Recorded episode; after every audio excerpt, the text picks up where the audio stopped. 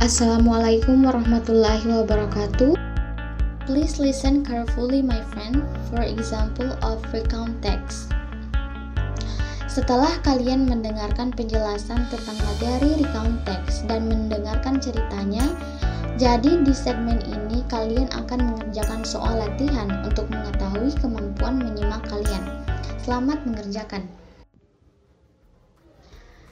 Yesterday, my family went to the zoo to see the elephant and another animal. When we got to the zoo, we went to the shop to buy some food to give to the animals. After getting the food, we went to the nocturnal house where we saw birds and reptiles which only come out at night.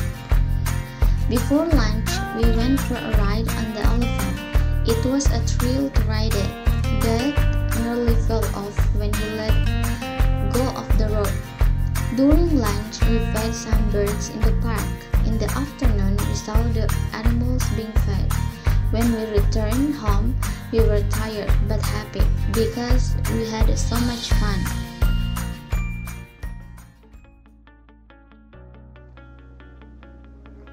Oke okay, teman-teman, thank you for listening to the Arabic text.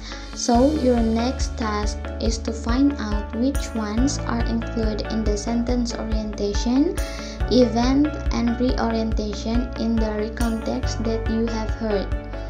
Jadi tugas kalian selanjutnya adalah menemukan mana yang termasuk ke dalam kalimat orientation, event, dan reorientation pada recount text yang telah Anda dengar.